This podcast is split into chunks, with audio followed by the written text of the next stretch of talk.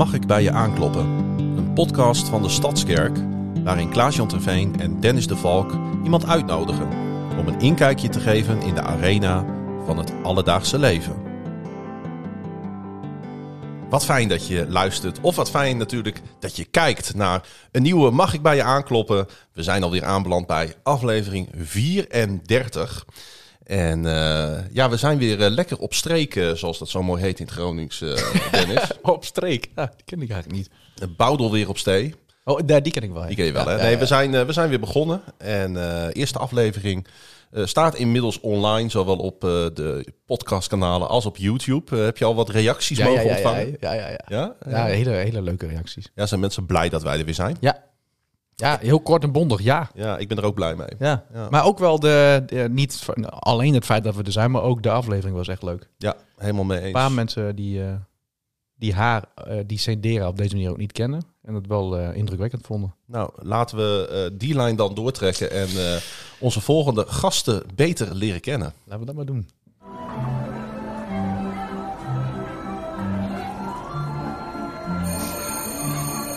Rondje rond de tafel met Dennis, Klaas-Jan en Ellie Pijper, geboren op 29 juli 1982 uh, in die kerk. Uh, woon ik samen met mijn man Remco en uh, wij hebben samen vijf kinderen. Iris, Matthijs, Jesse, Johanne en Bart. Kijk nou aan dan. Ja. Van harte welkom Ellie. Dankjewel. Wat en leuk dat je Wat een prachtige Hollandse naam hè? Ja, Ellie. Ja. Ja. Want dat is direct de vraag, waar ben je geboren? Ik ben geboren in Oldenkerk. Oldenkerk? Waar ligt dat ook alweer? Help me even. Naast Niekerk. oh, naast Niekerk, ja. ja. Oh, ja de, de, en dat ligt vlakbij Zuidhoorn. Ja. Ja. Ja, de, de, de, de, cirkel is rond, ik ken het. Ja. Ik vind het altijd fijn als we iemand hebben die uh, uh, een echte Groninger of Gronings is. Ja. Ja, dat voelt altijd goed. Dat voelt vertrouwd. I iedereen mag zijn, hè? Ja, ja, ja. ja. Oh, ja. maar de Groningen is net iets meer natuurlijk. ja, we hebben hard voor stad en ommeland. Ja, nee, daar ben ik met je eens. Dat voelt ja. wel meer... Uh...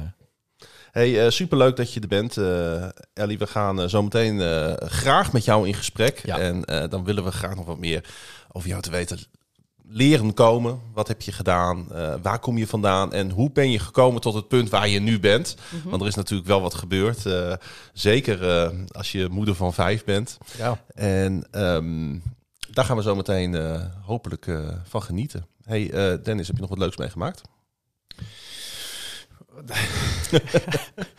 Deze week? ja. ja, ik heb heel veel leuks meegemaakt. Alleen... Of ben je weer heel druk geweest? Nee, nee, nee, nee, nee. Ik heb me voorgenomen om daar niet meer over te gaan Precies. praten. Dus ik, uh, ik ben, ja, wat ik leuk heb, ja, ja. Ik zit in één keer te denken, ik ben gisteravond met mijn twee dochters uit eten geweest. Dat was echt leuk. Oh? Ja. Waar? Ja, de andere twee die waren... Uh, bij de McDonald's? nee, nee, bij Grand Café Hoek. Dat ken jij wel, in Buffalo. Op de hoek. Bij het station. Bij het station. Zeg maar gewoon dat je het kent. Ja, ja, ja, ja. En daar hebben we heerlijk gegeten met z'n drieën en leuke gekeuveld. Grapjes gemaakt, geroddeld over vriendjes en zo. Je, je, je, je kent dat wel, hè, tieners? Ja. Maar dat was leuk. Ik ben er zelf ook echt eigenlijk, geweest. eigenlijk komt het niet zo vaak voor dat ik alleen met hun uit eten ga. Nee. Wat een goed idee. Ja. Ja, spontaan idee was het. En, ja. was heel leuk. En jij? Ja, ik ben niet zo van de spontane idee. Ik ben, merk wel dat ik echt moet plannen. Ja. Maar uh, ik was maandagavond uh, ben ik even op bezoek geweest bij mijn broertje. En dat doe ik heel graag, maar dat doe ik eigenlijk te weinig. Uh, mm. Die woont in Staphorst. En uh, dat Staphorst. Ja, okay. dat is toch altijd even uh, gedoe om daar te komen. Want ik heb geen rijbewijs, ik heb geen auto. Dus dan moet ik in de trein, dan moet ik ja. mij ophalen. En gedoe, gedoe, gedoe. Maar ik heb het gedaan en uh, het was hartstikke. Het was eigenlijk hartstikke goed. En uh, toen stapte ik weer in de auto terug naar het station uh, s'avonds. En toen zei hij, nou wat lief dat je er was, oh. zei hij. Toen dacht ik van, oh, dat vond ik een mooi woord, ja. zeg maar, ja. om, om daarvoor te gebruiken. En dat, dat deed me wel wat. En toen dacht ik, ah, ik moet eigenlijk vaker... Uh, weet je, familie is gewoon belangrijk. Ja. En uh, ik, was, ik was echt blij dat ik daar geweest was. En het gaf me ook weer energie om die week in te gaan, als je begrijpt wat ik bedoel. Ja. Dat ik dacht van, oh, wat, wat fijn dat we elkaar gezien hebben, even gepraat. Er waren wat lastige dingen met, met, met ziekte en zo, weet oh, je ja, wel. Lastig. Dan, ja. dan, dan, is het goed om daar met elkaar over te praten. En ehm, dat, dat realiseer, ik realiseerde me gewoon hoe belangrijk het is dat we af en toe tijd voor elkaar nemen. En, en dat daarom deze podcast misschien ook wel zo uh, belangrijk is. Om elkaar beter te leren kennen en ja. gewoon ja, in alle openheid en eerlijkheid, maar de kwetsbaarheid van het leven ook af en toe te Mhm. bespreken. En daar eh, niet voor weg te lopen. Dat is net een hele mooie opening jingle, zoals je hem nu net eh, beschrijft. Een openingstingle. Ja. Niet weglopen voor de kwetsbaarheid van het leven. Ja. Ellie, Ja. heb jij nog wat leuks meegemaakt? Of gok je daarmee voor de leeuwen? Nou, ik werd van de week gebeld Ja, door Margreet. onze lieve Margreet. Dat was al heel erg leuk. Dat was heel erg leuk. Eindelijk is iemand die me belt. en wat had ze te vertellen? Nou, ik word eigenlijk nooit gebeld door Margreet. Ik kom Margreet tegen in de kerk en ik kom Margreet zomaar wel eens tegen op straat. Mm. Eh, maar ze belde om te vragen of ik mee wou doen aan de podcast. Ja. En, Oh. toen, en toen dacht jij, Toen dacht ik, eh, wat voor podcast? oeh, foei. Sorry. nee, dat is niet erg. Dat is niet erg. Nee, maar ik vind het echt hartstikke leuk. En Ja. ik vind deze podcast ook echt heel erg leuk. Ja, Ja. ja. Ja, waarom, Waarom, eh, waarom zei je ja? Had je gelijk het gevoel van, hey, dat is iets wat ik moet doen? Of moest je daar even over nadenken? Nee, ik hoef er daar verder niet over na te denken. Ik ben wel... ehm, ik, ik ben niet iemand die, eh, die graag in de spotlight staat... of eh, dat allemaal maar heel makkelijk doet. Maar ik vind het wel heel leuk. Ja. En ehm, Nou, wat Ja. goed dat je hier bent dan. Ja. Ja, We zijn heel erg nieuwsgierig. Dus misschien kunnen we direct wel eh, gewoon eh, van wal steken. nou, dan mag jij de eerste vraag stellen. Ja, ik weet wel dat je geboren bent in Oldenkerk. Kun je eens wat vertellen over je jeugd? ja, Gewoon maar wat je zelf wilt. ja. Ehm, ik, eh, ik woonde mijn jeugd op, eh, op de boerderij in, eh, in Oldenkerk. eh, op de Kuzemerweg. Daar ben ik opgegroeid. En eh, ja, dat was eigenlijk gewoon een hele eh, veilige en, en vrije plek om te zijn. Je mag de microfoon iets meer naar je toe trekken. Oké, ja. Ik ga even Super. anders zitten. Ja, de boerderij, een veilige plek Ja. om, eh, om op te groeien. Ja, en gewoon heel vrij. Dat je alle ruimte hebt en eh, eh, je kan makkelijk een plekje voor jezelf vinden. Je kan eh, makkelijk naar buiten en buiten een plekje vinden. En, ja, dat heb ik eh, als kind wel echt heel fijn gevonden. Met hoeveel mensen waren jullie thuis? Eh, ik heb een oudere zus en twee, twee jongere broers. Oké. En wat voor boerderij was het?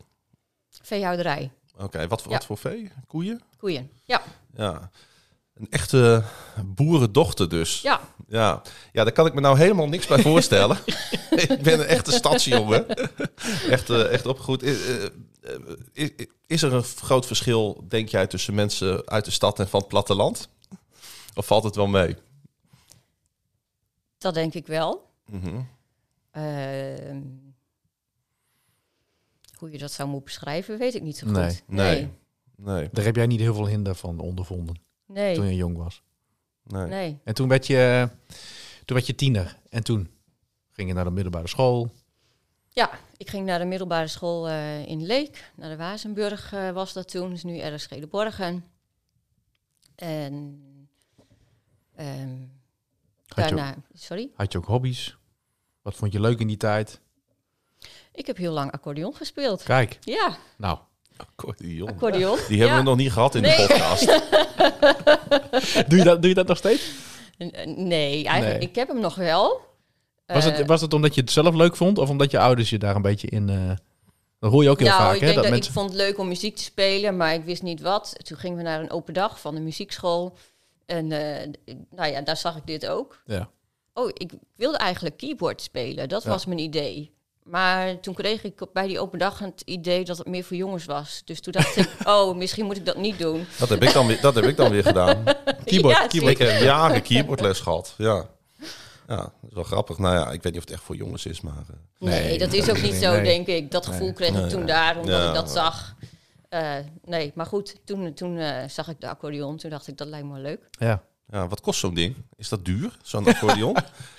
Nou, dat, nee, nou ja, Want jij denkt er serieus over na. om- nee, abs- absoluut niet.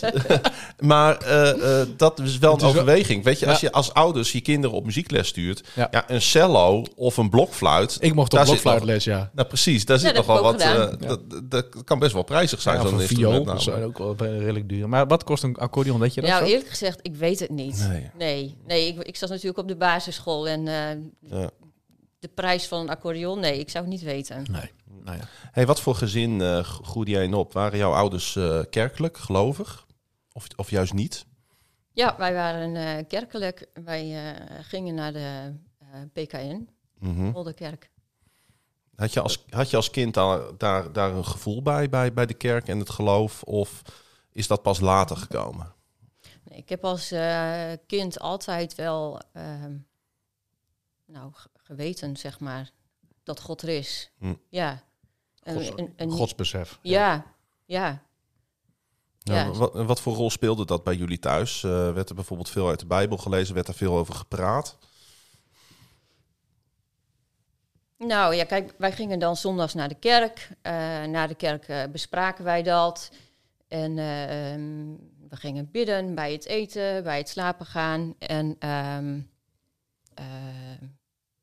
wat wou ik zeggen? Ja, we, en we gingen met het eten gingen we ook wel uit de Bijbel lezen. Ja. Ja, Gewoon wel wat je ook wel vaak ziet in de, in de wat traditionele gezenten, zeg maar. ja, ja. En, en ehm, ik maak even een sprongetje als je het oké vindt. Mhm. Hoe ben je hier eh, terechtgekomen? Bij de stadskerk Ja. bedoel je? Ja. Eh, nou, er, er zit eh, heel veel tussen. Ja. ja. Ongetwijfeld. Onder andere een accordeon. Ja, maar ook een, een opleiding verpleegkunde. En ehm, een tijd bij Jeugd met een opdracht in Oh. Amsterdam. Kijk. En, eh, Voor mensen die dat niet eh, zo goed kennen, eh, wat is jeugd met een opdracht? Kun je dat uitleggen?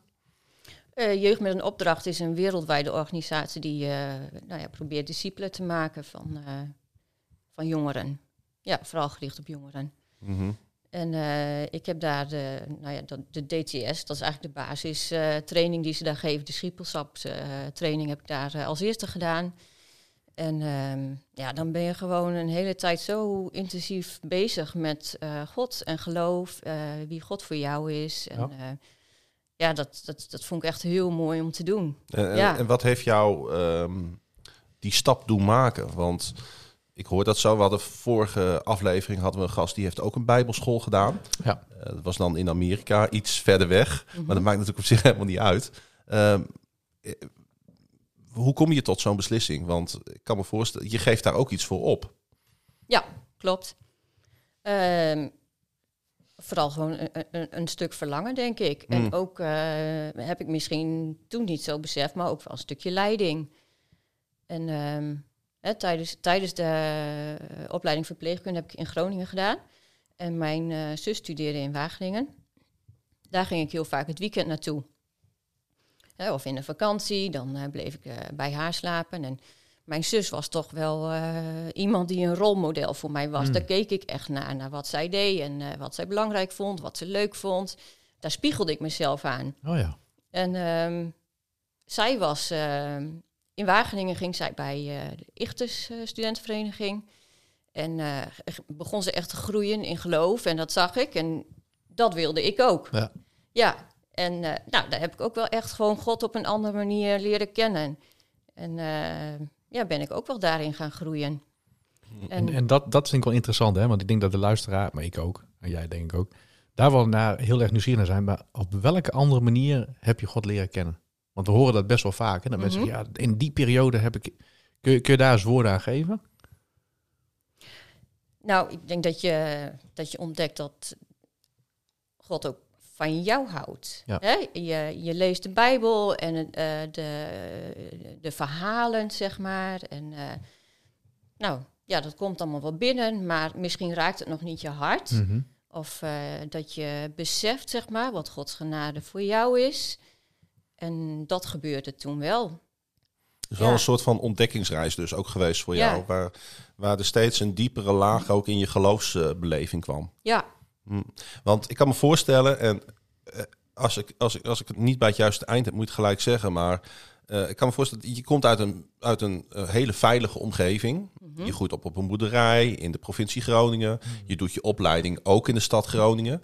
En opeens wordt door jouw zus die wereld een stukje groter. ja, Want Wageningen is opeens echt een ander deel van het land. Ja. En dat heeft niks meer met Groningen te maken. mhm, En dan beland je ook nog eens in Amsterdam. ja, In de grootste stad van Nederland. ja. Was dat een cultuurshock voor jou?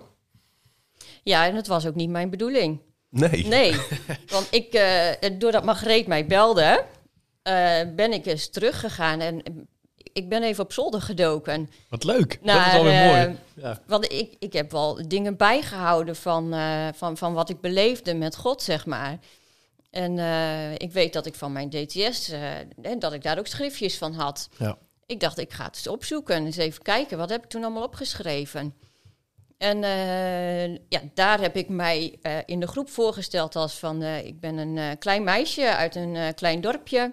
En nou, ik zit hier nu in een grote stad. Ja. Maar ik wilde eigenlijk, wilde ik mijn DTS in Heerden gaan doen. Want dat was voor mij veel dichter bij huis, Ja. letterlijk en figuurlijk.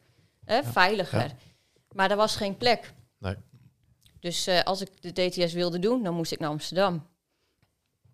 Heb je daar, dat toen, ben ik gedaan. heb je daar toen over getwijfeld? ja, ik vond het gewoon heel spannend. Ja. Ik had wel dat ik het wilde doen, maar ik vond het wel heel spannend. Moest je daar dan Ja. ook gaan wonen? Ja, Kun je, Ja. kun, je, kun je eens teruggaan naar dat moment dat je voor het eerst in Amsterdam aankwam? Misschien was je al wel eens in Amsterdam geweest, of misschien ook wel niet. Maar dat je daar aankwam en dat je daadwerkelijk dacht van... oké, en nu ben ik hier. Ik ga een nieuwe fase van mijn leven in. Wat, wat, wat riep dat bij jou op? ja ik, ik, ik vond het in het begin nog steeds heel spannend. Want Ja. ineens moet je ook alles gewoon in het Engels gaan doen. Hè? Hmm. Ook dat ik, mijn, mijn opleiding was gewoon in het Nederlands. En eh, had ik niet veel Engels bij nodig. En eh, ineens moet je alles in het Engels gaan doen. Ja, ik vond het spannend. Ja. Maar ehm, iedereen vindt het daar spannend. Ja, ja. Hè? Want Dat ik was nog in mijn eigen land. Ja. Ja. En er waren ook mensen die komen van andere delen van de wereld. Ja. Ja, waar kwamen de mensen zo al vandaan? Met, met wat voor nieuwe landen en culturen kwam je in aanraking? Ehm, Schotland, Amerika, eh, Barbados, eh, Zweden, Heerlijk. Zwitserland, Zo, dus er ging echt letterlijk een wereld voor je open. Mexico, Egypte. Ja, ja, Ja. echt. Van over de hele wereld. Ja, ja. ja. Wat, wat vonden ze daar, eh, even, even globaal, wat vonden ze daar thuis van? Dat jij opeens in Amsterdam zat en, eh, en een, ja, eigenlijk een heel ander leven opeens ging leiden. ja, mijn ouders hebben wel altijd ehm, mij proberen te ondersteunen in, in, in wat ik wilde. Hm. En eh, nou, zo hier ook mee. Hoe oud Ja. was je toen? Want je was toen klaar met je studie verpleegkunde. Dus je was... eh, 21. ja, precies. Ja. Maar toen woonde je nog thuis of woonde je toen... eh, je- je Eh, ja, dat? ja, ja. En jouw zus woonde toen nog steeds in Wageningen? Toen jij naar Amsterdam ging? Ja, Dus die had je om de, om de hoek, zeg maar. Op een half uurtje trein en eh, zat je zus. ja, ja. Ja, dat was ook wel fijn, Ja. denk ik. Ja. Ja, al zagen we elkaar niet, eh, niet meer dan anders. En weekenden bleef ik ook vaak daar. Mhm. Ja. Hey, eh, jij, jij bent eh, de zolder opgegaan, vertelde je. Je bent door die schriftjes gegaan. Eh, is er iets blijven hangen waarvan je dacht van... hey, dat ik dat genoteerd heb of dat ik dat opgeschreven heb... of wat, wat tof dat ik dit weer lees? Nou, een van de dingen die, eh, ehm, waarvan, ik, waarvan ik eigenlijk wel verbaasd was en ik het ook echt niet meer wist, ehm, was de tijd eh, na mijn periode bij eh, Jeugd met een Opdracht. Ehm, ik, wa- ik, ja, ik wilde nog steeds groeien in geloof. En Mhm. ik wilde eigenlijk, ik wilde eh, mijn opleiding verpleegkunde gebruiken in het buitenland. En dan ehm, nou, dat combineren met zending. Ja. Dat was mijn droom. Maar ik zag niet voor me hoe dat moest, want ik had nog niks gespaard. Nee. Dus eh, mijn idee was om eh, eerst in Nederland aan het werk te gaan en geld te sparen. En eh, vervolgens naar het buitenland te gaan. Maar God zei, ja, waarom wil jij je eigen geld verdienen als ik het je wil geven? Ja, en dat wist ik niet meer. En heb je dat, heb, heb je dat opgeschreven? Of Ja. Heb je, ja. ja, En hoe heb je dat, eh, kun, je, kun je dat moment nog herinneren? Is, is dat een, is dat een klink en klare, of klip en klare stem geweest? Of heb je dat, is dat een gedachte geweest? Want dat, dat is wel leuk om te weten. ik, ik heb God nog nooit gehoord Nee. als een klink-en-klare stem. Nee. maar wel als een stille stem. Ja. Ja, Een heel sterk, Dat- een sterk overtuigend gevoel of gedachte waarvan je dacht, ja, ja, dit een, moet een, God een zijn geweest. gedachte die ineens eh, er is en die zo, eh, zo duidelijk is. Ja, Is het soms ook niet helemaal goed uit te leggen. Hè? Want mensen van buiten de kerk of mensen die niet geloven... die zullen zeggen van ja, dat kun je nou wel zeggen. Maar dat Mhm. is gewoon je innerlijke overtuiging. ja, En jij denkt dat dat God is. ja, Even mensen- ik speel even advocaat van de duivel, hè? Ja, ja. ja. Ja, hoe, hoe, hoe, hoe zouden we dan toch over kunnen brengen aan mensen die, die dat niet eh, helemaal vatten? mhm. Hoe, hoe, hoe, dat, hoe dat is en, en hoe je dat voelt? door het te proberen. Hm. Hè, als, jij, eh, als je zoiets ervaart, ga, da- ga dan doen Ja. wat jij denkt te horen. Ook al is het niet logisch, want heel vaak zegt God ook dingen die niet logisch zijn. En eh, ga het proberen, ga kijken wat er gebeurt. Ja. En dit was niet logisch, want je had geen centenmak, om het maar even Nee, hè, zo te zeggen. en ik had geen ervaring. Nee. Nee, ik, ik wilde het ook gebruiken om ervaring op te doen. En zo heb ik het eigenlijk ook onthouden, van ik wilde ervaring opdoen. Ja. Maar nu ik teruglees, zie ik van, oh, ja, dat stuk zat er ook bij. Ja. Ja. En, en, en toen? Toen ben je gegaan? Ja, ik ben gaan kijken naar ehm, eh, waar ik terecht zou kunnen als pas afgestudeerde, afgestudeerde verpleegkundige. Ja. En eh, nou, iets met geloven ook kon doen. En toen kwam ik uit bij een organisatie op de Filipijnen. Hmm. En eh, daar zou ik naartoe voor een half jaar. En eh, ja, ook dat eh, was heel spannend. En eh, hoe dichter ik bij kwam, hoe meer ik dacht van, oh, ik wil het eigenlijk helemaal niet Nee. meer. Nee. Maar ehm, ik heb het al gedaan. En ehm, ja, daar kwam ik eigenlijk heel snel eh, Iris tegen. Iris is onze oudste dochter. Die eh, hebben wij geadopteerd. En zij was het elfde kind uit een heel armoedig gezin. En haar ouders konden niet voor haar zorgen. En, sorry, Maakt niet uit. eh, toen ik haar eh, voor het eerst zag, dat was eigenlijk op een eh, videobeeld waar zij in haar huisje lag op de grond zonder kracht om nog te huilen. Ach joh. En ik was toen nog maar net op de Filipijnen. En Ja. de medewerkers en leidinggevenden daar, die, ah, ze hadden zoiets van, ja, hier, hier, hier willen wij iets mee, maar wat? En ik voelde heel erg die overtuiging van, goh, als wij als team zeggen van, eh, wij willen voor het kind zorgen, dan wil ik wel degene zijn die het op zich neemt. Want ik had nog niet een hele duidelijke rol. Dus zo, eh, zo kwam Iris eigenlijk in mijn zorg, dag en nacht, zeven dagen in de week. En eh, ja, vanzelfsprekend ben ik mij aan haar gaan hechten. Zo. Ja. Wat een, en, en dan ben je begin twintig. Ja. ja, toen was ik 23. Ja. Ja, Ja. ja. Wat, wat een aangrijpend verhaal, joh. Eh, Eigenlijk was je opeens van de ene op de andere dag Mhm. moeder. ja. Terwijl je helemaal niet wist dat je dat zou worden. Nee. Nee, En dat was ook niet waarvoor ik naar de Filipijnen ging, nee, Dacht, nee. dacht je. Het- dacht het- ik. ja. Het, Ja, dat dacht het ik. spreekwoord Ja. eh, Gods wegen zijn ondergrondelijk Mhm. eh, is hier wel van toepassing, hè? Ja. Ja. ja. Maar ja, dat hielp mij natuurlijk in de Filipijnen. Hmm. Want ik ben, eh, ik ben na, na, die, na vier maanden ben ik eerst teruggegaan naar huis. Maar ik wilde weer terug voor Iris. Mm. Dus zo bleef ik eigenlijk eh, komen en gaan. En vanaf, vanaf welk moment ehm, is, is daar überhaupt adoptie ter sprake gekomen? Want dat lijkt me niet na vier, na vier maanden, of misschien wel. Dat weet ik helemaal niet hoe dat, eh, hoe dat dan gaat. Nee, na vier maanden nog niet. Eh, Nee. Maar daarna, daar, daarna wel. Maar eh, had ik ook zoiets van, ja, maar ik ben alleen, ik ben niet getrouwd. Nee. En ik, ik, ik vind dat een kind ook eh, eigenlijk wel een vader eh, hoort te hebben. Dus ik vond, dat, eh, ik vond dat op dat moment niet goed om Nee. haar te gaan adopteren. Nee. Nee. Nee, want Remco was nog niet in jouw leven. Eh, Of wel? Niet, niet als mijn eh, vriend of man. Oh, kijk. Ah, je kende hem dus al wel. Ja. Hij was, ook op, hij was ook op de Filipijnen. Nou, hij was in Wageningen. Oh, nou iets ik ga verder weer terug naar Ja. Wageningen. Ja. Oh, hij was de buurman van je zus. Nee. We komen vast nog wel even terug op Iris zometeen. Maar Ja, dat we, denk ik wel, Maar ja. laten, we, laten we Remco er eens even bij Ja. pakken. Remco, kom er eens bij. Ja, Ja. hier is hij. Ja, ik- Ja. vertel eens, hoe kwam Remco in je leven? Eh, Door mijn zus. Ja, ik ging die mijn zus van jou, die ja, heeft die, die heeft echt Ja. veel eh, gedaan. Ja. Ja, ja. Nee, ik, eh, omdat ik mijn zus vaak ging bezoeken. Remco die zat bij, ook bij de Ichtes eh, studentvereniging. En nou ja, daar kwam ik Remco ook tegen. Remco zat in de vriendengroep van mijn zus. En ja, zo leerden wij elkaar kennen.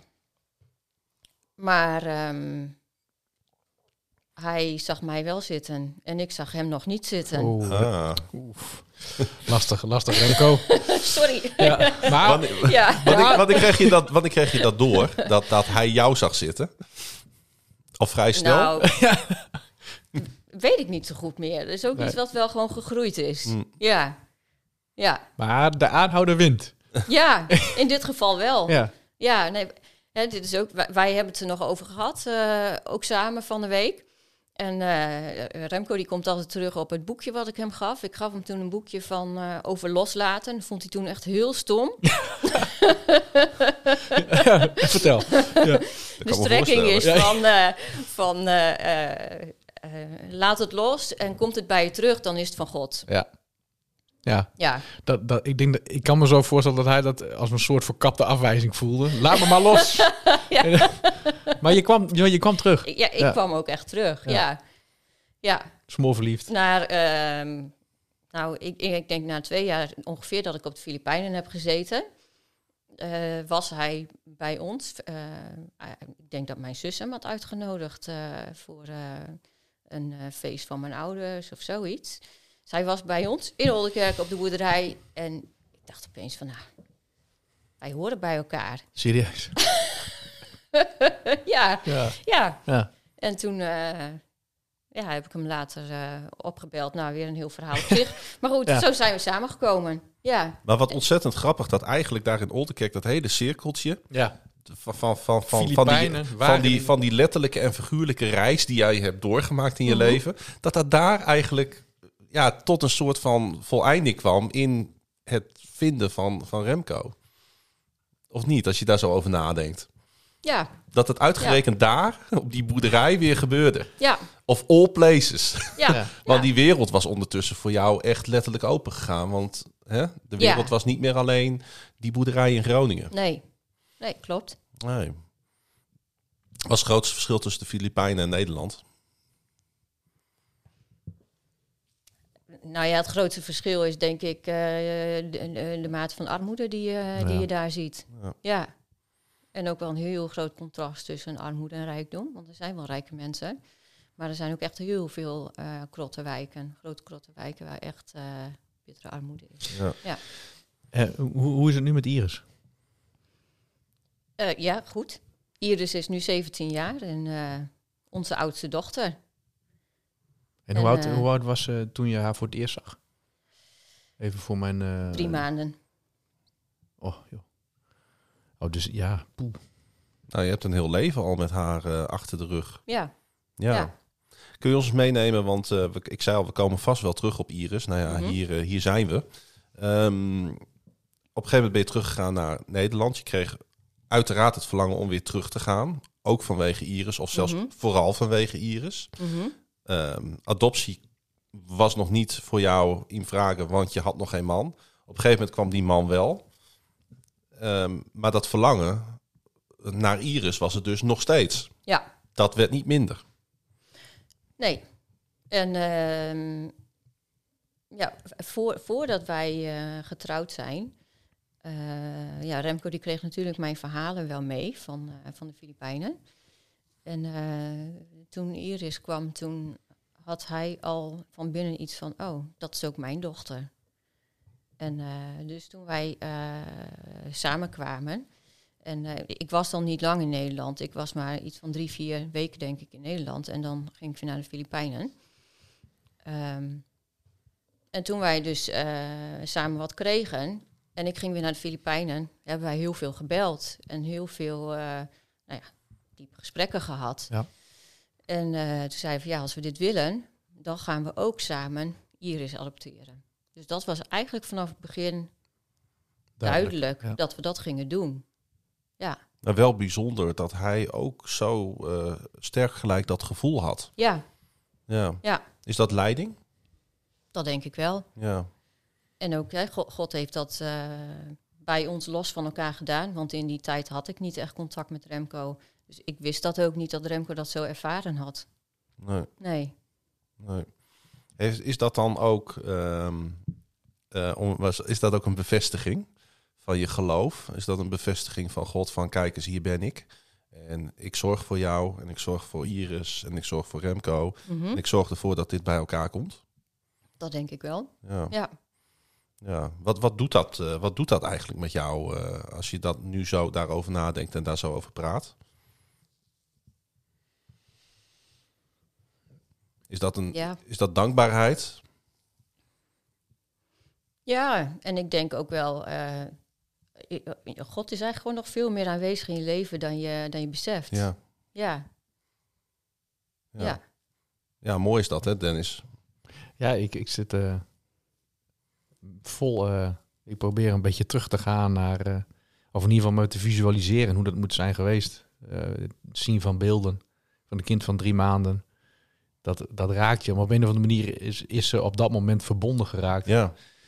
En, en, en dus misschien een beetje gek wat ik zeg, maar ik, denk aan een hele goede film. Een soort, Mm. ver- soort vertolking van jouw verhaal. Van, eh, van Oldenkerk eh, via Amsterdam en Wageningen naar de Filipijnen. En, en eh, gewoon het kostbare verhaal van het adopteren van een meisje. Ja, ja dat raakt me wel. Want dat, ik bedoel, ik ben naar Oeganda geweest.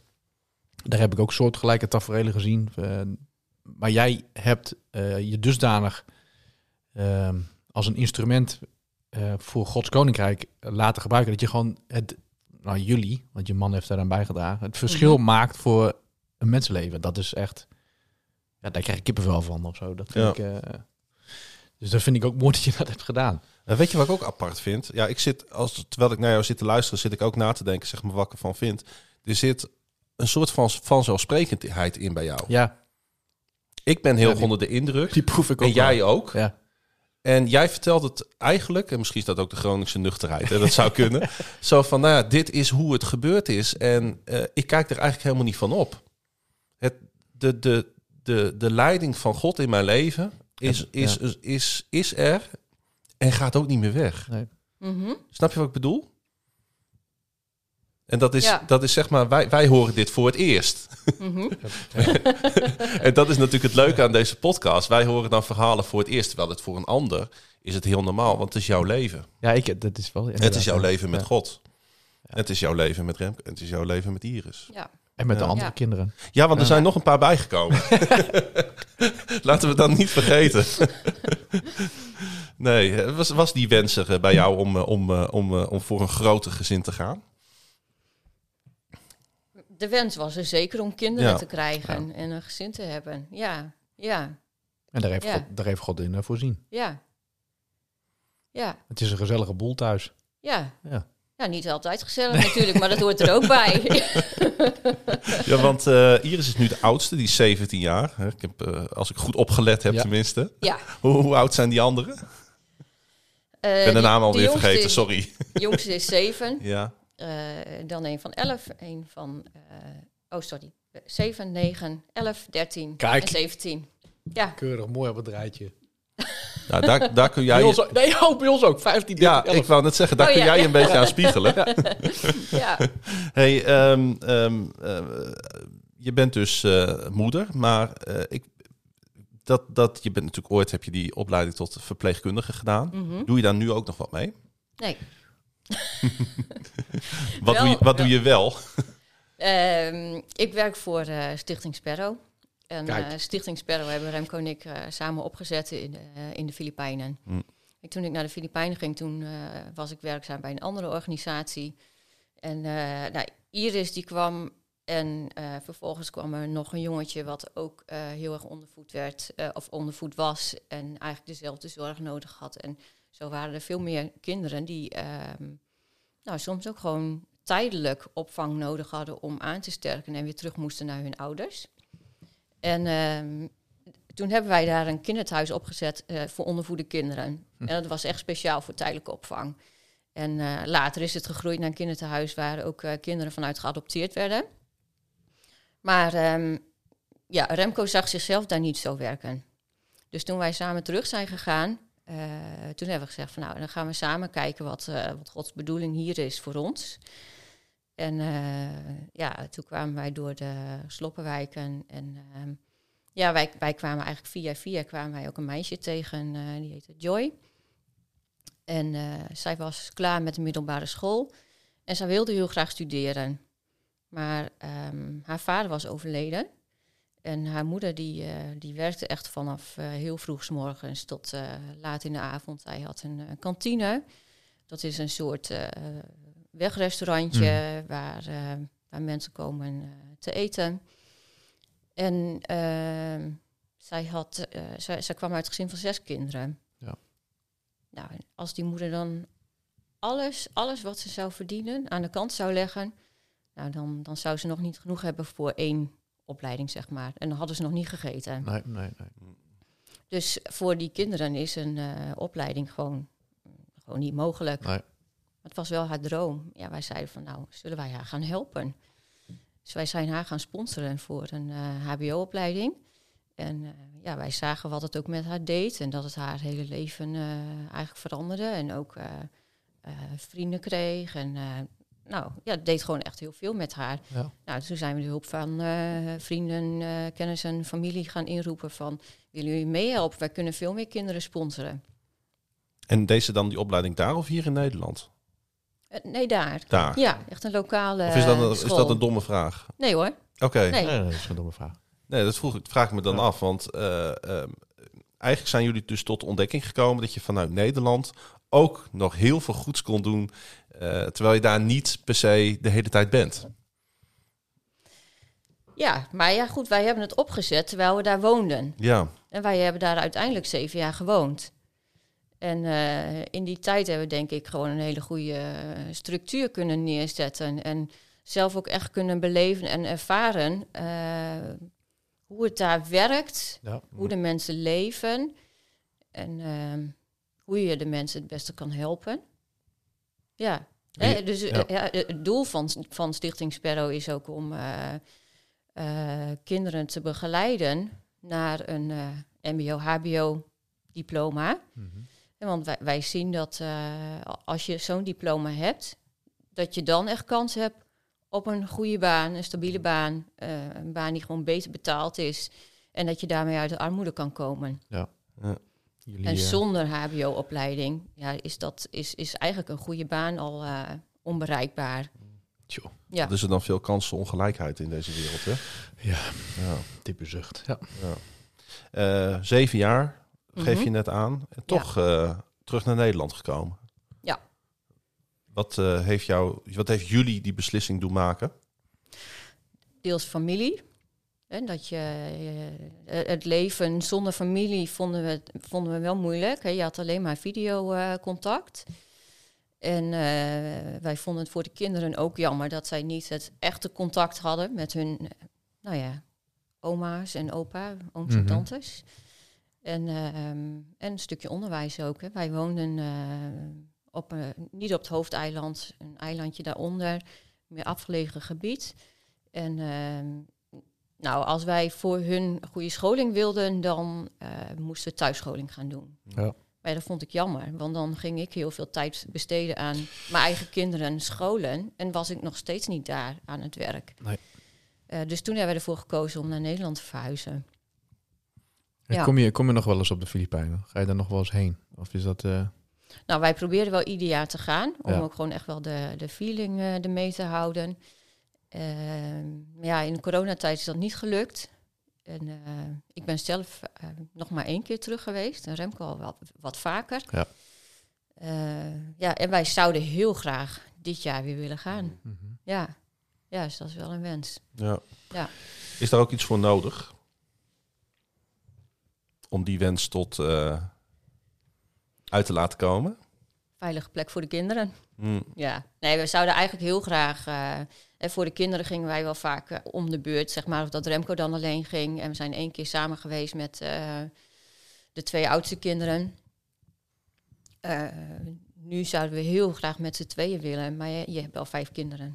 Ja. Dus, uh, nou, eigenlijk is gewoon ja. specifiek mijn vraag uh, of mensen die naar deze podcast luisteren iets voor jullie kunnen doen. Mm -hmm.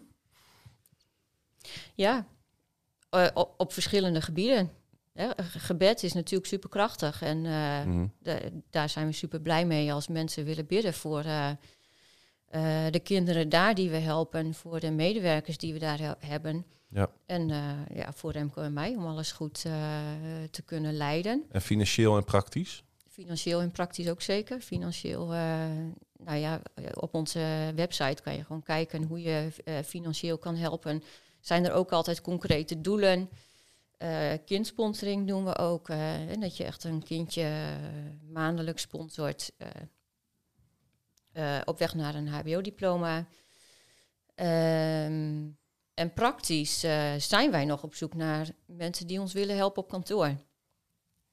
Eh, en dan Waar zijn- moet, je, waar moet je dan goed in zijn? Nou, het, het, is, het is veel administratiewerk. Ja. Ja. Ja. Maar ook bijvoorbeeld, wij doen eh, projecten op scholen eh, in Nederland eh, om ook te werken aan bewustwording. En dan eh, eh, scholen die, eh, nou, die doen tegenwoordig heel vaak een, een sponsorloop bijvoorbeeld. Mhm. En dan, eh, dan gaan we videobellen met kinderen. En dan, eh, eh, dan sponsort de school zeg maar een kindje of, of Ja. iets anders. Maar dan, eh, dan gaan wij naar die school toe en dan eh, gaan we videobellen met een kind op de Filipijnen. Ja. En dan kunnen ze elkaar over en weer vragen Ja, ja, ja. stellen. En dat zijn leuk. vragen van, goh, wat, eh, wat is jouw lievelingseten? Ja, of wat is je ja, ja. lievelingsdier? Heel- maar dat is heel echt heel leuk, ja. ja. Ik, ik moet direct denken, Ellie, aan ehm, eh, een soort van... eh, jij hebt het over eh, de ongelijkheid in kansen. Ik denk dan direct, volgens mij doen jullie ongeveer hetzelfde als grote instanties, grote organisaties als Compassion. In de zin van kindsponsoring. En, eh, kun je daar überhaupt tegen opboksen? Want ik heb het idee dat jullie niet een hele grote organisatie zijn. Heb je, Mhm. ehm, hebben jullie voldoende slagkracht om daar, ehm, nou, om daar het verschil te maken? Of, of worstel je daar wel eens mee dat je denkt van nou, eh, dat, dat, dat eh, gaat goed? Ik, heb, ik heb moeite met het snoertje Oh, onder ja. de tafel. Laat het maar lekker zitten. Wat was maar een vraag? Nou, Of, of je daar tegen op, op kunt Ja, ja. boksen, eh, of je daar wel eens mee worstelt. Ja. Snap je mijn... eh, snap Ja, ja, ja, ja. Kijk, en je, je vergelijkt jezelf natuurlijk ook wel eens. Ja. Kijk, wat, wat voor ons als kleinere organisatie lastig is, is eh overheadkosten. Kijk, als Ja. organisatie heb je overheadkosten. Maar als er meer binnenkomt, eh, je bent groter, dan zijn die verhoudingen gewoon veel makkelijker te verdelen, zeg maar.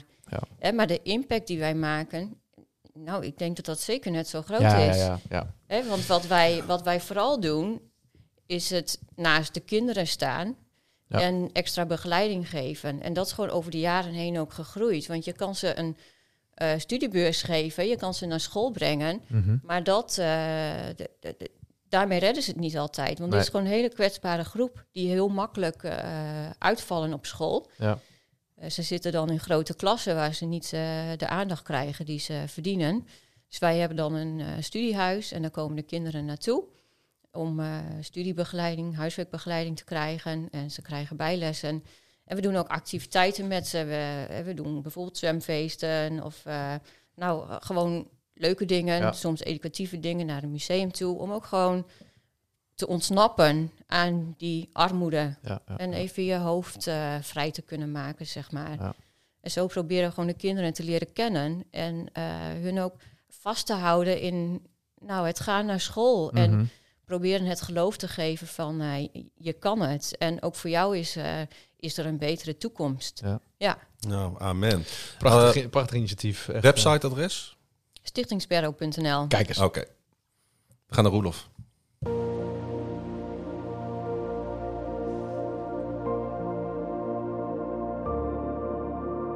Institutionalisering.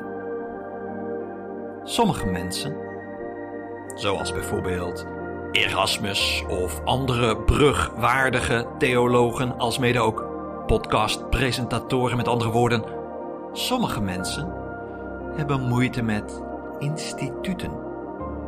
Instituten zoals daar zijn de overheid, school, de kerk. Dit is dan niet het soort moeite met dat zich vertaalt in samenzweringstheorieën. Dus niet de angst dat de democratie gegijzeld wordt door de deep state of de kerk een front is voor witwas en andere schimmige praktijken.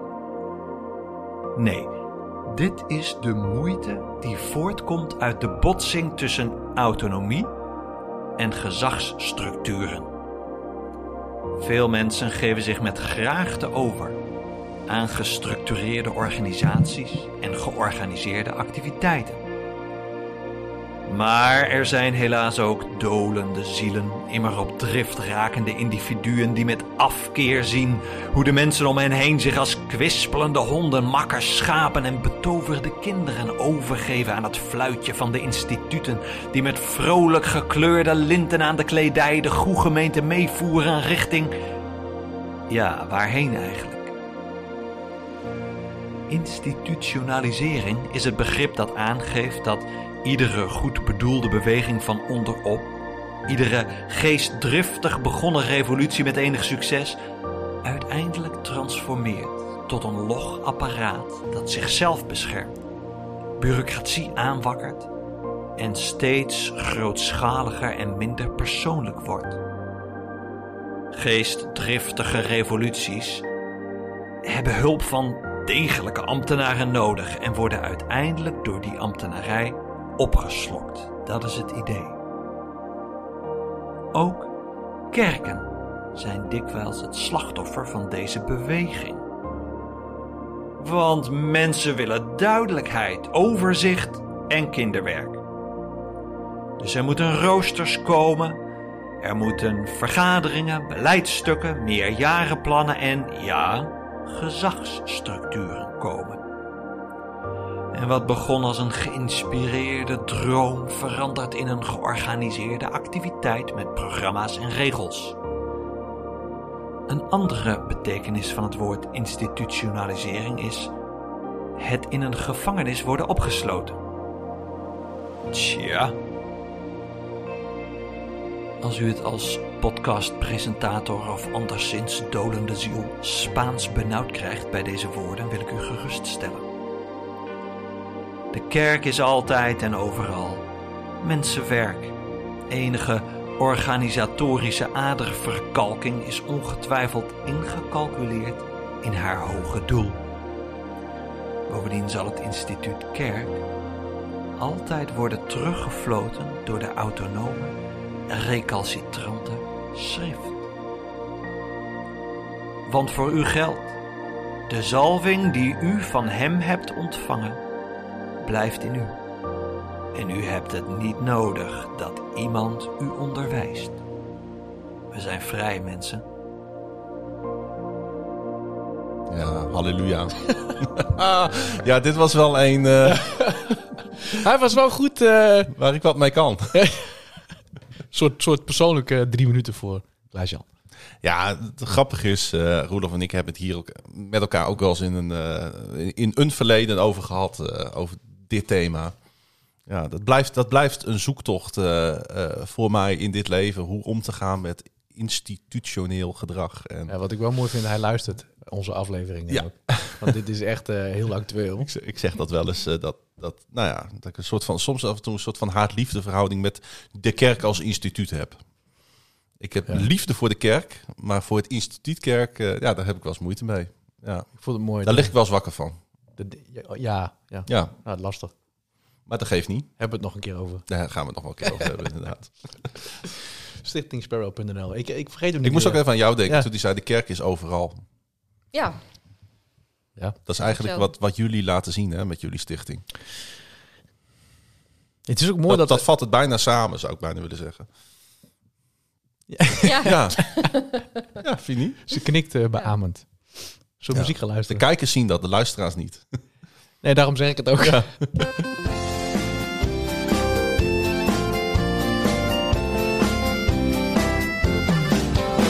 Liedje erin, liedje eruit. En dan beginnen we natuurlijk met eh, de, de keus van, eh, van, van Ellie. Je mag eh, zo meteen vertellen wat eruit gaat. Maar waar heb je voor gekozen om in deze mooie, moet ik goed Nederlands spreken. Waarom heb je gekozen om dit liedje in onze mooie lijst te zetten?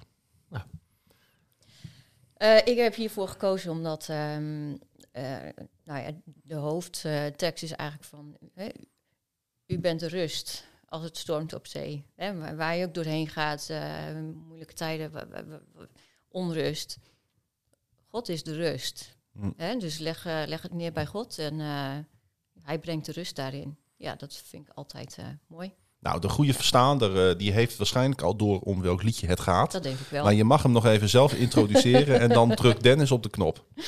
Het liedje is eh, God van Licht, opwekking 807. In mijn twijfels,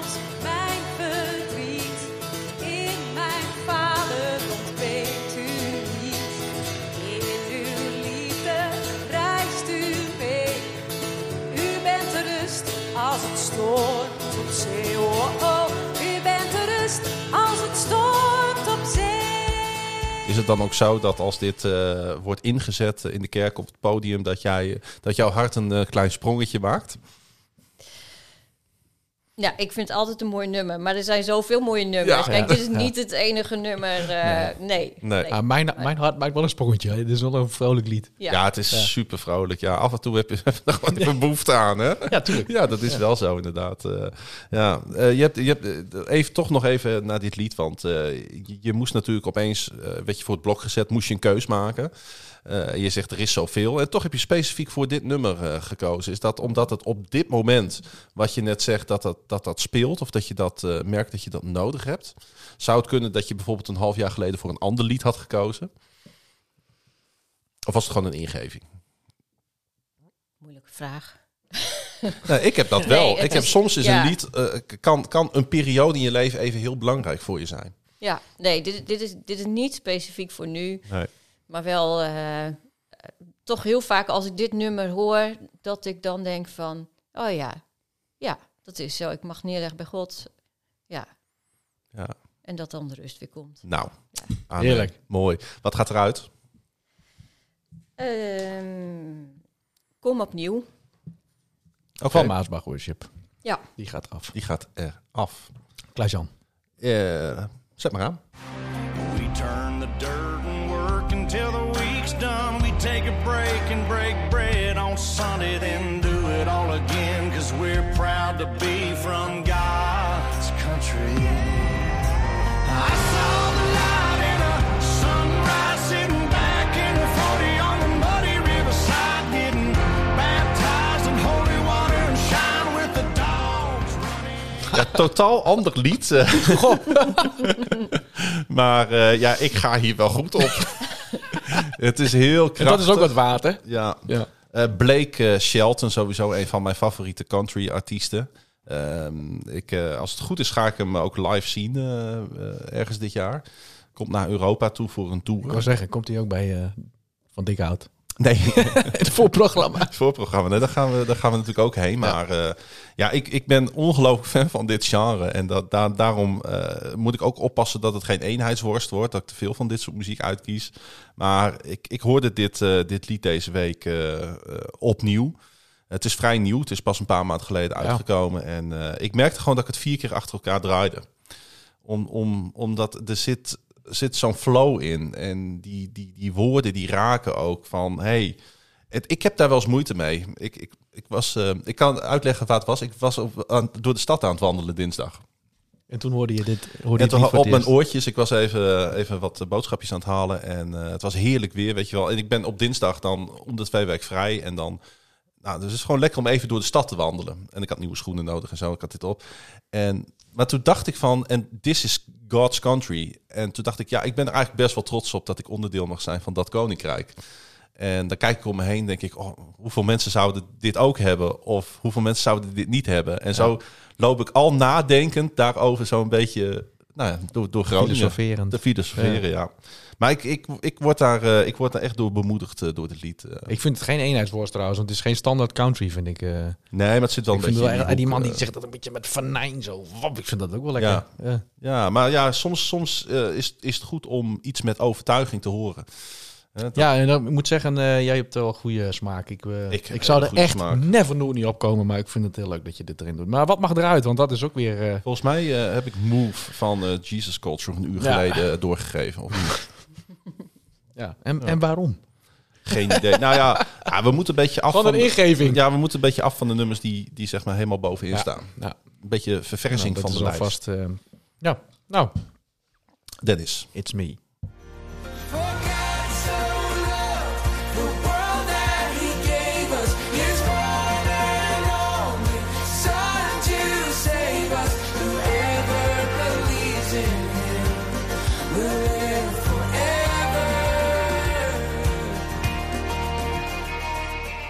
Nou, dit zit er een beetje tussenin, hè? Ja, ik vond mijn keuze beter. Dit, zit- Jo, dit is een beetje de... Of niet een beetje, dit is Johannes 3 vers 16, hè? Ja. Al zo lieve God de wereld gehad. Dat is mijn, bij far mijn favoriete tekst. Dus ik vind dat... En ik hou ook wel een beetje van dat... eh Zo'n tamrijntje. Misschien zit er ook wel een accordeon in, dat weet ik niet. Maar het is gewoon leuk. Ik hou van dat lied. Ik vind het mooi. Nou, drie Eh, mooie... is trouwens We the Kingdom. For God So Loved. En eh, jij had het over eh, nummertjes die eh, hoog op de lijst staan, die mogen eruit. Stir a Passion, Worship Central, die gaat eruit. Dus de nummer 1 die er het langst in staat, die kieperen we van de lijst af. Goed. Nou, hebben we dat ook weer gedaan. Nou, dan zijn we er, dan zijn we er bijna doorheen. We hebben bijna een uur zitten opnemen, Ellie. Hoe was het? Nou, het ging heel snel voorbij. en dan Ja. denk ik, ik heb nog lang niet alles verteld. Nee. nee, nee. Nee, maar dat kan ook niet, kan ik je vertellen. Nee. Ik heb iedere keer wel weer, als we hebben opgenomen, zoiets van... nou, oh, dit hadden we ook nog wel kunnen vragen. Of hier hadden we het ook nog over kunnen hebben. Maar Ja, eh, ik denk dat het... ehm, ja, als ik voor mezelf mag spreken in ieder geval... dat het echt heel belangrijk is geweest... dat je het werk van, ehm, van Sparrow onder, aandacht, eh, onder de aandacht hebt Ja. gebracht. Ja, En eh, ik ga naar de website toe. Ik ook. Dus dan heb je sowieso twee eh, Ja. bezoekers. En ik Ja. hoop eh, dat de luisteraars en de kijkers dat ook... eh Ja, we zetten het adres nog even in de show notes, denk ik. stichtingsparrow.nl Voor eh, wie heel snel dingen vergeet. En dan kun je daar ook nog even op klikken. In je favoriete podcast Ja. app. Mooi, bedankt voor je verhaal. Bedankt voor je... Ja, bedankt voor de uitnodiging. bedankt voor je leven zou ik haast willen zeggen. Want jeetje, wat maken jullie, wat maken jullie een impact? Ik vind dat mooi. Ja. Dat moet even gezegd worden. Ellie, dank voor jouw komst naar de podcaststudio. Het was onze waar genoegen om jou te leren kennen en dankjewel voor jouw verhaal. Luisteraars en kijkers, dit was nummer 34. Op naar 35. En zoals je van ons mag verwachten met weer een nieuwe gast. Drie nieuwe liedjes en wederom drie nieuwe minuten van Roelof. En ik hoop dat ze weer net zo mooi zijn als deze week. Wij zien uit, jij ook.